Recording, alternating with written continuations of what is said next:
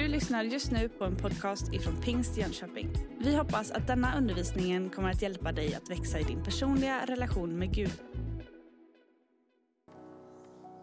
Det är sådana här stunder man liksom påminns om på något sätt kraften i evangeliet om att det håller genom livets alla etapper. Och till och med i de där ögonblicken av sorg och saknad och allt utav det som ryms i när människor lämnar oss här på jorden, så är det liksom inte ett tragiskt avsked, utan det är någon slags i väntan på att vi ska få ses igen. Vilken glädje, vilken, vilket fantastiskt hopp vi har i Kristus. Som du hörde lite grann Frida berätta så förra söndagen så slog vi an en ton av ett tema som vi kommer bära med oss några veckor till framöver utifrån när Jesus ganska dramatiskt rensar templet. Eh, jag försökte åskådliggöra det för dig som var här så vet du att det var ett bord här på estraden och jag försökte pränta in i dig att det fanns en iver, en sån otrolig passion i Kristus att skapa förutsättningar för att de som ännu inte vet vem han är skulle få tag på vem han var. Idag så har vi inget bord med porslin som kommer åka omkull här. Jag ska försöka göra mitt yttersta för att talarstolen står där den står. Eh, du kan vara lugn. Men den här veckan är också en sån här vecka där väldigt mycket har hänt i kyrkan. Jag hoppas att du följer med lite grann via sociala medier. Det finns ju massa olika saker som sker. Kanske är du en av dem som har snappat upp att man kan göra ett test och se hur kristen man är. Man har liksom samlat frågor som Migrationsverket ställer till konvertiter och så har man satt samman det i ett litet sånt här test man kan göra och se hur många procents chans man har för att liksom vara kvalificerad kristen. Bara intressant att se hur många har gjort det där testet. Kan du ta upp en hand? Hur många av er hade över 50 procent? Kan jag ha handen uppe? Typ ingen. Ingen, ja, där fanns den, vad härligt, grattis. Det är skönt att det finns en som är kristen, genuint kristen i vår kyrka. Jag blev lite orolig där för en stund. När jag gjorde själv testet, så, när jag såg procentsatsen, så kände jag bara, oj det här. Jag hade tror jag 48 procent, jag var inte genuint kristen enligt deras mått att mäta.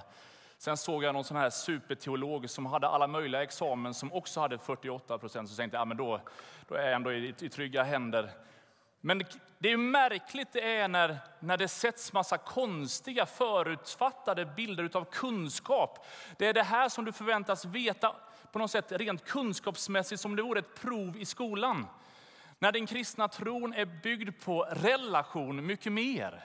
Och att du faktiskt kan veta ganska lite men ändå bara känna att, att han finns och börja närma dig honom och lära känna honom djupare. Och här i veckan så hade jag förmånen att besöka en i vår församling som har varit med om diverse strokes och hjärtinfarkter och bruten rygg och har alla möjliga åkommor i sin kropp och har lite svårt för att ta sig till kyrkan. Och jag tänkte att nu ska jag åka dit för att trösta den här liksom 94-åriga kvinnan som på något sätt är sargad i hela sin kropp. Och det tog inte många sekunder för jag insåg att amen, det är jag som är den mest välsignade, det är jag som blir den mest uppmuntrade. Hon bärs av en tro som inte är teoretiskt, som inte bara är att liksom ha kunskap om någonting rent allmänt, utan det finns en personlig erfarenhet vem Gud är. Åh, vad jag skulle önska att mitt liv fick präglas ännu mer av en sån tro. Och jag ville säga till dig redan inledningsvis som kommer från ett annat land, som nu kämpar för ditt uppehållstillstånd. I vår kyrka gör vi allt vi kan och vi ska fortsätta be för era asylprocesser. Men låt er inte luras av liksom, liksom vilka tester man gör, utan det är egentligen bara Gud som vet vad som rör sig i ditt hjärta. Så om så hela världen ifrågasätter din tro så vet du vad Gud har gjort för dig och håll fast vid det. Den här veckan präglades ju också av någonting, jag vet inte om du har Jönköpingsposten, om du läser JP. Men här i torsdags så kunde man liksom slå upp tidningen, eller man behövde inte ens slå upp den för man möttes av Mattias Maxstads glada ansikte. Liksom en helsida på första sidan och sen ett helt uppslag. Eh, en fantastisk intervju med Mattias där han berättar om både sig själv och om nyårsfestivalen Unite som vi har haft här i vår kyrka. Och man känner sån stolthet och tacksamhet, både att, att känna Mattias, att få ha honom som en del av pastorsteamet i den här kyrkan, men också det som han klär i ord av alla ungdomars entusiasm och glädje. Eh, ja, har du inte läst den så gör du klokt i att backa tillbaka eh, några dagar och så läsa den där tidningsartikeln. Vi missade lite grann i informationen här bara att ikväll redan så är du faktiskt välkommen tillbaka till kyrkan klockan 18.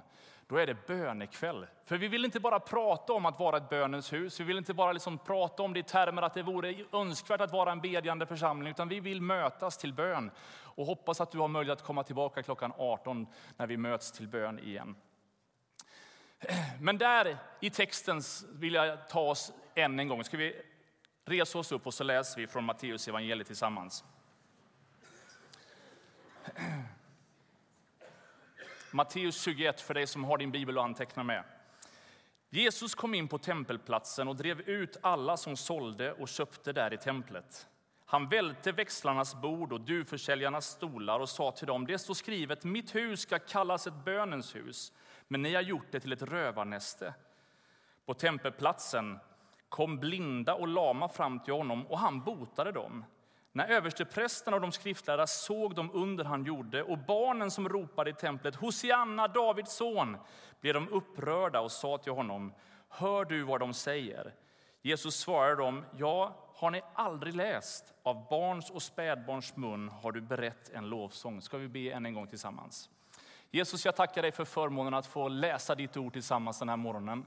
Tackar dig för förmånen att få öppna det och påminna oss om att det alltid är levande och verksamt. När, när vi läser det så möter vi både dig och din ande verkar det in i våra hjärtan så som vi behöver. Och nu ber jag dig för, om din välsignelse för alla som är i det här rummet och alla som på olika sätt tar del av den här gudstjänsten. Herre, jag ber dig välsigna oss alla. Gör det som du vill göra i och genom oss. Och vi ber att du skulle välsigna resten av den här gudstjänsten i Jesu namn. Amen. Innan du sätter dig får du gärna än en gång bara hälsa på den som sitter bredvid dig och önska dem en god gudstjänst och sen varsågod och sitt ner.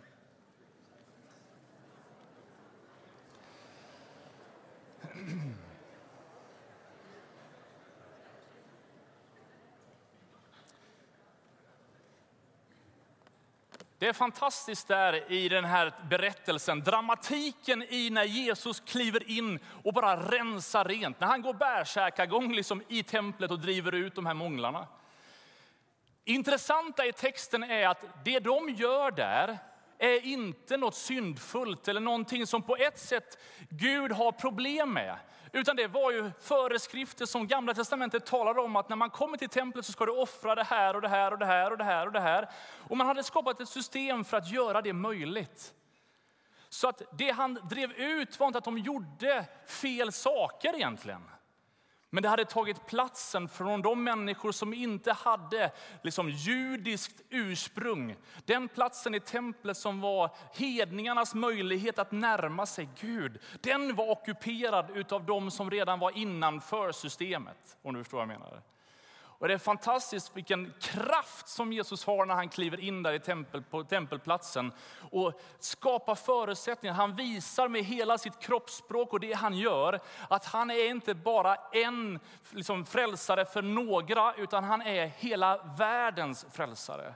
Och han vill att varenda människa ska få lära känna honom. Och där är själva drivkraften.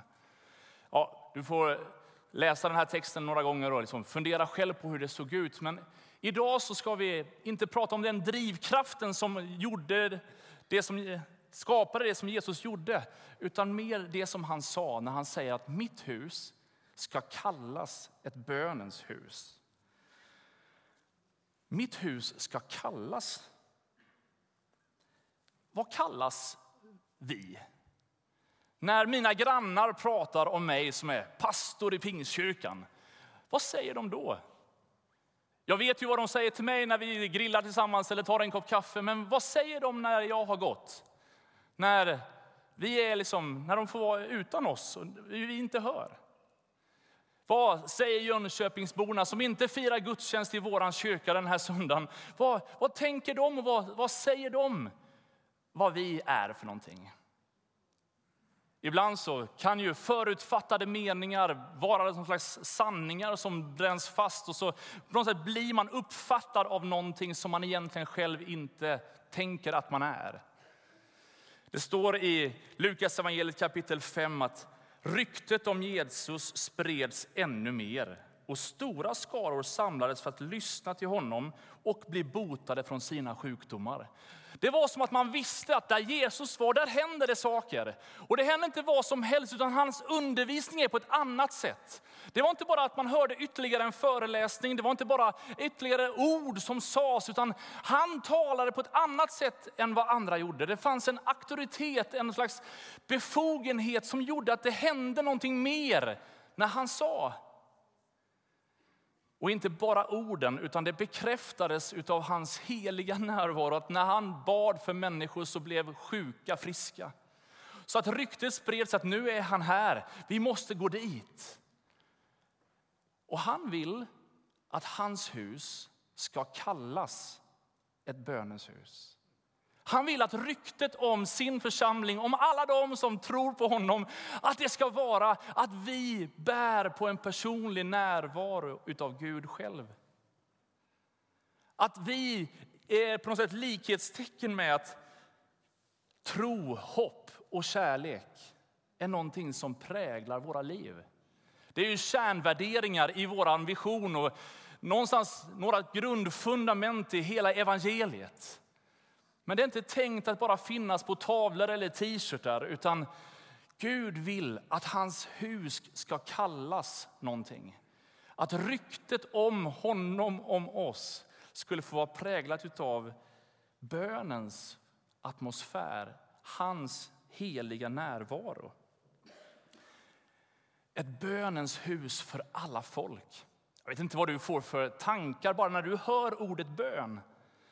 Min erfarenhet är att väldigt många människor är, så fort man nämner ordet bön, så drabbas en del av nästan lite så här prestationsångest och tänker instinktivt bara så här, och det borde jag göra mer.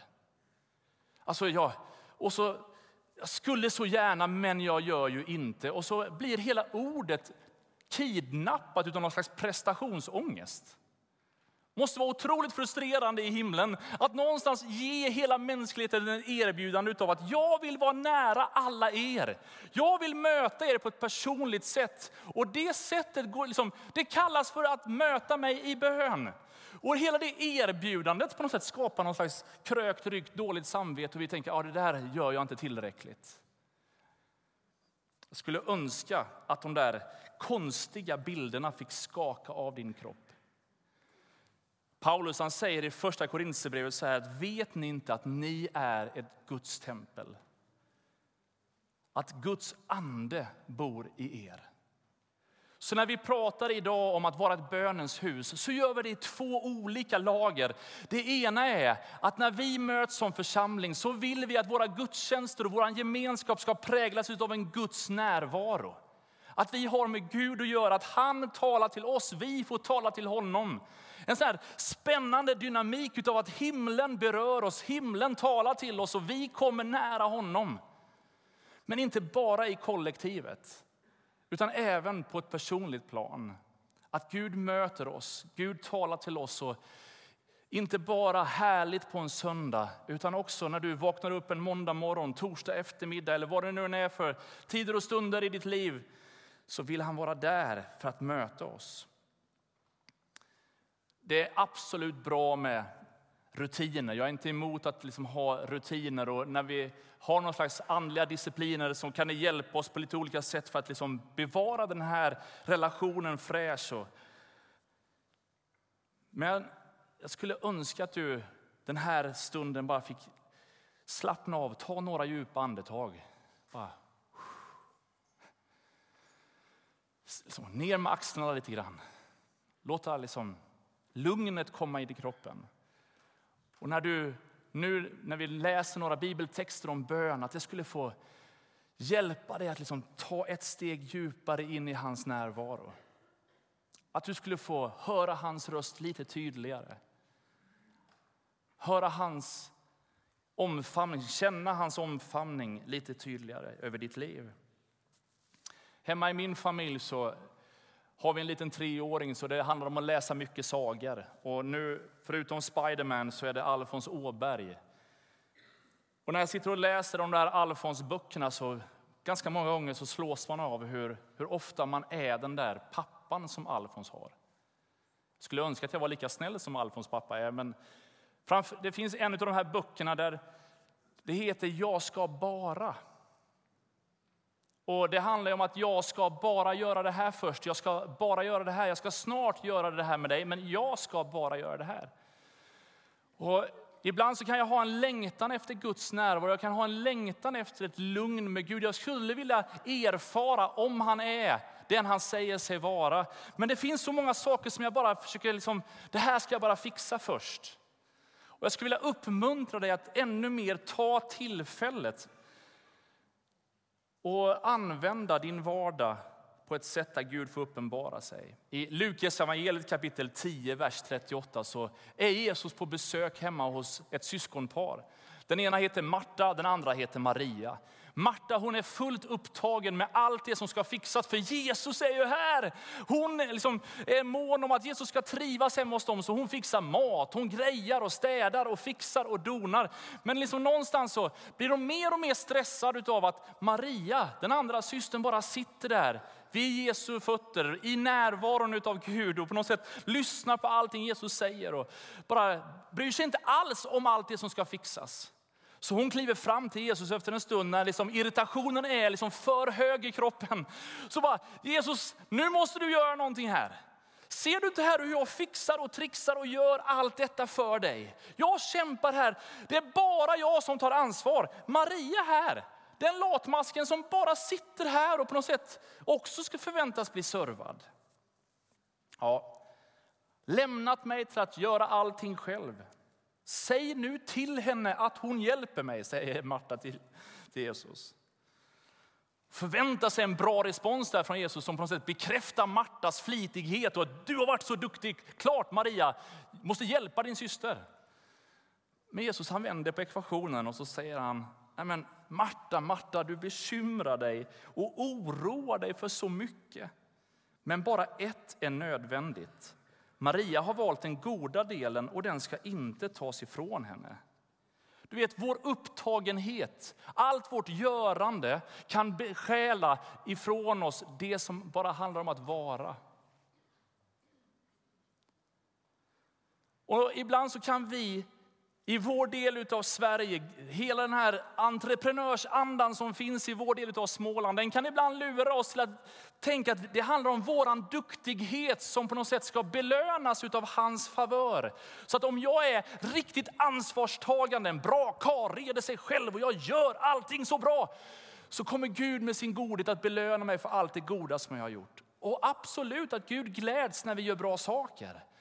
Men det är bara ett som är nödvändigt. Han söker inte dina händer, han söker ditt hjärta. Så själva grundbulten i bönen är en inbjudan till hans gemenskap, hans närvaro. Åh, vad jag skulle önska att du fick slå dig ner i Guds närhet. Och kanske att du skulle låta disk, diskhon få stå en stund. Eller låta tvätten få ligga kvar i tvättmaskinen en liten stund till. Eller inte vara så orolig för att liksom än en gång det är fullständig kaos på Kortebovägen. Man tycker liksom, hur svårt kan det vara att skapa ett trafiknät som fungerar? Istället för att bara liksom låta allt det där vara tillfällen till frustration i din kropp. Bara, nu fick du några bonusminuter. Vad gött att det är bilkö. Nu får jag bara så här, predika för mig själv känner jag en liten stund. Mitt eget otålamod i trafiken. Men tänk om det skulle vara så att du och jag kunde ta tillfället lite oftare.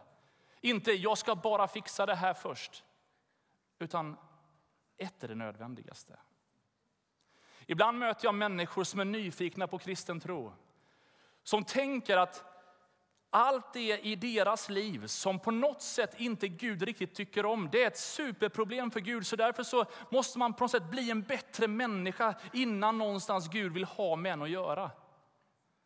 Men evangeliet är tvärtom som säger att innan du ens kunde stava till Gud, innan du ens visste vem han var så älskade han dig, gav sitt liv för dig. Och hade det varit så att din prestation kunde på något sätt skapa förutsättningar för den här närvaron så hade aldrig han behövt dö på ett kors.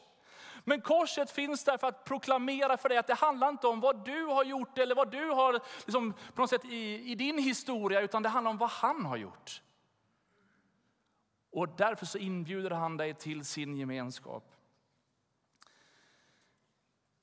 Detta folk ärar mig med sina läppar, men deras hjärtan är fjärran ifrån mig, säger profeten Jesaja. Och jag har tänkt på det att vi kan ha en läpparnas bekännelse, men om hjärtat inte är nära Gud så ekar det bara som skrällande symboler. Gud är inte ute efter att du bara ska göra allting rätt eller låta rätt, utan han vill att ditt hjärta ska ha med honom att göra. Och det intressanta är att när hjärtat är rätt så verkar det påverka väldigt mycket annat. Men det måste komma i rätt ordning. Om du någon gång har bett en bön till Gud, om du skulle fundera på hur låter det när du ber? Bara för din egen, du behöver inte liksom be högt där du sitter just nu, men vad använder du för ord och hur, hur beter du dig när du ber? tycker det är intressant ibland när man ser på olika tv-program eller filmer som på något sätt försöker gestalta det kristna. Väldigt många gånger så misslyckas man totalt att någonstans fånga det genuina. Och det blir väldigt krampaktigt eller mesigt när människor ber. Oavsett vad andra gör, vad andra säger, så verkar Jesus mer intresserad av att det är personligt från hjärtat av dig själv. Så här säger Matteus kapitel 6, vers 5. När ni ber ska ni inte vara som hycklarna. De älskar att stå och be i synagogorna och i gathörnen för att synas av människorna. Lite längre fram står det, och när ni ber ska ni inte rabbla långa böner som hedningarna. De menar att de ska bli bönhörda för sina många ords skull. Det första tipset som vi får från den här är att när du ber så handlar det inte om att liksom be fina böner så att alla andra ska höra. Nej, var inte som de som lite skenheligt försöker verka heligare inför andra. Och ha inte heller någon slags bild av att det är de många orden som på något sätt kommer att göra att han hör dig. Oavsett hur du formulerar dig, hur tonläget är, om det är högt eller stilla. Oavsett om du är yvig med dina gester eller om du sitter helt stilla. Om du har böjt dina knän vid sängen eller om du sitter bakom ratten i bilen. När du ärligt delar det som är dina tankar, dina drömmar, det som du känner, Gud det här längtar jag efter, det här behöver jag. Så ska du vara helt övertygad om att han hör dig. Lite längre fram i den här texten så talar han om den här bönen Fader vår. Och så ger han den bönen som ett verktyg för sina lärjungar att vara med och bedja. När du ber bönen Fader vår så påminns du också om att den här bönen som du ber, den här guden som du vänder dig till, är inte bara din utan vi får dela den i gemenskap med varann.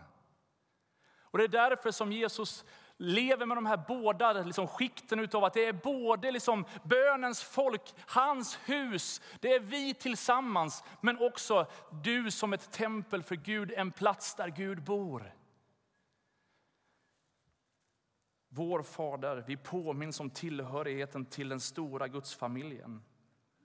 Lite längre fram i Matteus kapitel 6, vers 16 och framåt så står det så här att när ni fastar, se då inte så dystra ut som hycklarna. De vanställer sina ansikten för att visa människor att de fastar. Nej, när du fastar, smörj ditt huvud och tvätta ditt ansikte så att människorna inte ser att du fastar, utan endast din fader som är i det fördolda. Då skall din fader som ser i det fördolda belöna dig. Det finns en annan översättning som heter The Message som skriver så här kring den här bibeltexten. När du offrar din bekvämlighet för att istället koncentrera dig på Gud ska du inte stoltsera med det. Det skulle kanske ge dig en stund i rampljuset, men rampljuset gör dig inte till helgon. Nej, när du ägnar dig åt inre styrketräning, var då som vanligt till det yttre. Med andra ord, var dig själv. Det handlar inte om att du ska försöka vara någonting inför andra. Helighet byggs inte via Instagram, att bara nu har jag gjort allt det här. Utan han som ser i det fördolda söker efter ditt hjärta. Och han vill gärna tala hemligheter till dig och han vill på olika sätt välsigna dig.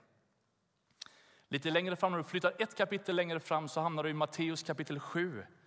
Där står det så här i den sjunde versen. Be och ni ska få, sök och ni ska finna. Bulta och dörren ska öppnas för er. Ty var och en som ber han får och den som söker han finner och för den som bultar ska dörren öppnas. Vem bland er ger sin son en sten när han ber om bröd? Eller en orm när han ber om en fisk?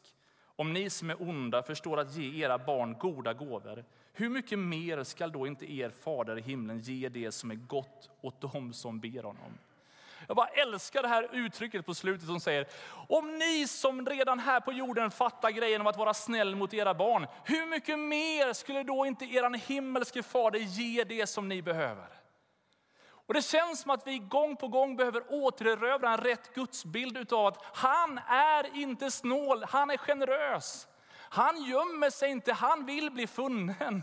Han är inte här för att döma och liksom peka på alla fel. Han är här för att liksom frälsa, befria och hjälpa dig att göra rätt. Guds perspektivet behöver ibland återerövras. Han är en god Gud. Så när vi ber så skall vi få.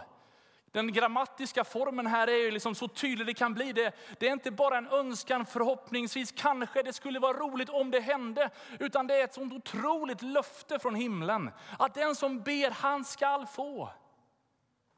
Den som söker, den som behöver vägledning, den som undrar hur ska jag göra med det här? Vart ska jag ta vägen med detta? Nej, men han ska finna. Och till och med den som bultar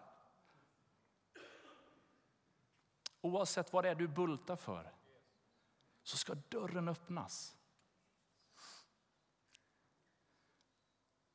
Det här bibelordet är också en uppmaning till bön.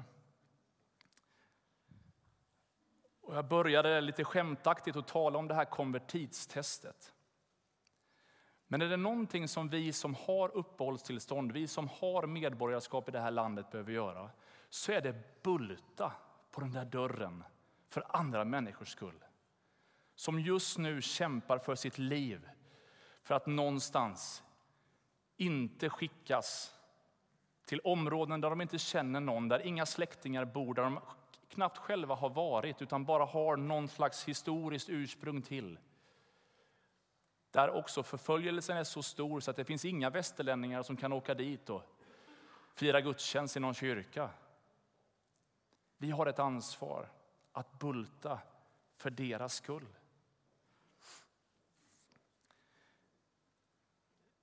I Apostlagärningarna kapitel 16 så får du ett tips till. Där är det Paulus och Silas som de har varit på evangelisationskampanj, men det går åt skogen.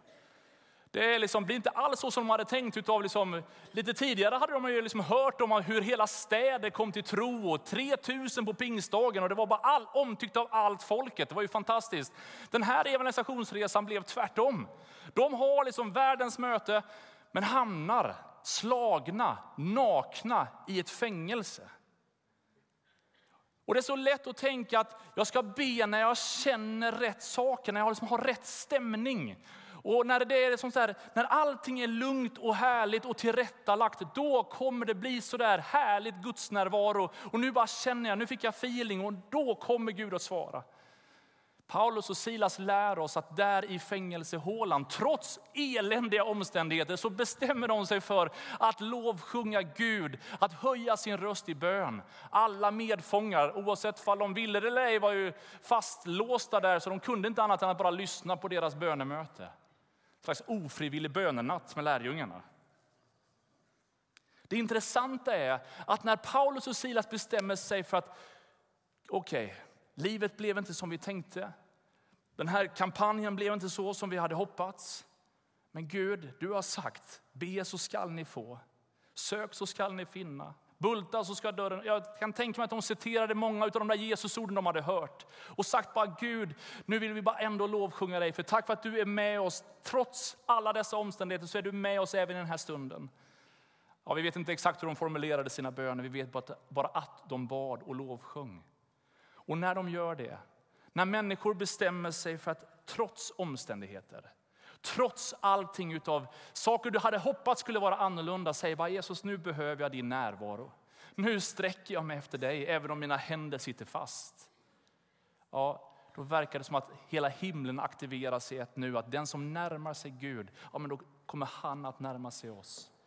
Och så lossar bojorna från allas inte bara Paulus och Silas som blev befriade den där natten. Alla blev fria. Alla som var en del av det där fängelset fick uppleva friheten för att några bestämde sig för att trots dåliga omständigheter ropa till Gud. Jag ska be att församlingsledningen kommer fram. Vi ska göra oss färdiga för nattvarden. Den sista punkten jag skulle vilja skicka med er är ett tips av att faktiskt ha ett hjärta för andra människor. Bönen är inte bara om att du ska få kliva in i Guds närvaro, utan du kan, precis som vi har tangerat flera gånger, i din egen bön faktiskt vara med och sätta andra fria. I Gamla testamentet kan vi läsa om Nehemja, hur Nehemja hörde om att Jerusalem låg fördärvat och det var människor som led stor nöd och vanära. Och det gjorde att när han hörde det så brast han i gråt och kände medlidande med människor som hade det så tufft och svårt. Och då bestämmer han sig för att under flera dagar, både dag som natt, ropa till himmelens Gud. Och han säger bara Gud, förlåt mig mina synder. Man tänker så här, vänta nu, varför ber han om syndernas förlåtelse? Ja, men det är som om han förstår det som Nya Testamentet talar om, att de som tror på Gud är salt och ljus i den värld som de lever. Och när saltet förlorar sin sälta, men då går det åt skogen för många. När ljuset slutar lysa så blir det mörkt för alla. Och han bara inser att ja, men, vi som Guds folk, vi har inte varit det ljus som vår värld behöver. Och så ber han Gud om förlåtelse och säger bara Gud, du måste göra någonting i vårt land. Du måste upprätta vårt folk igen. Kanske är det så att du den här söndagen inte bara söker Gud i bön för din egen skull. Utan att vi om en stund när vi firar nattvard tillsammans, att du ber för människor som du har runt omkring dig. Arbetskamrater du kommer möta imorgon, släktingar som bor på andra sidan jorden eller vad det är för böner som du ber. Tänk att du kan få göra skillnad med din bön. Och Det var det som Jesus sa där på tempelplatsen att jag vill att mitt hus ska kallas ett bönens hus för alla folk. Oavsett hur du låter när du ber så skulle jag bara vilja uppmuntra dig att den här söndagen börja tala med Gud. Använd dina ord. Låt honom få röra vid ditt hjärta. Du har just lyssnat på en podcast ifrån Pingst Jönköping. För att få reda på mer om vilka vi är och vad som händer i vår kyrka så kan du gå in på pingstjonkoping.se eller följa oss på sociala medier via pingstjkpg.